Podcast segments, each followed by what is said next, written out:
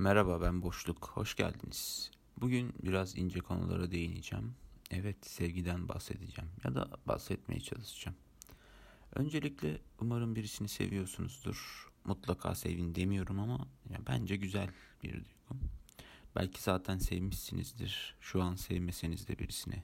Biraz kendi hayatımdan bilgi vereyim. Ben de seviyorum birisini ama adını söyleyemem gizli. Birçok farklı şekilde de birisini sevebilirsiniz ya da bir başka deyişle de yani illa somut olacak bir şey değil.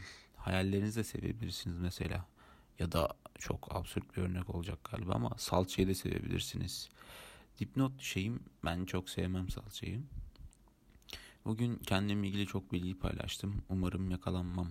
Şunları da söylemek lazım. Sevgi karşılık bulduğunda güzeldir. Ama karşılık bulmak için de sevmezsiniz. Beklentiniz de olmayabilir. Onun haberi olmayabilir. Şart değil. Kendi içinizde yine de sevebilirsiniz. Zaten kendimizi bu kadar mahvetmemiz sevgiden değil miydi? Evet teşekkür ederim dinlediğiniz için. Dinleyenler, dinlemeyenler ve hiçbir zaman dinlemeyecekler. İyi günler.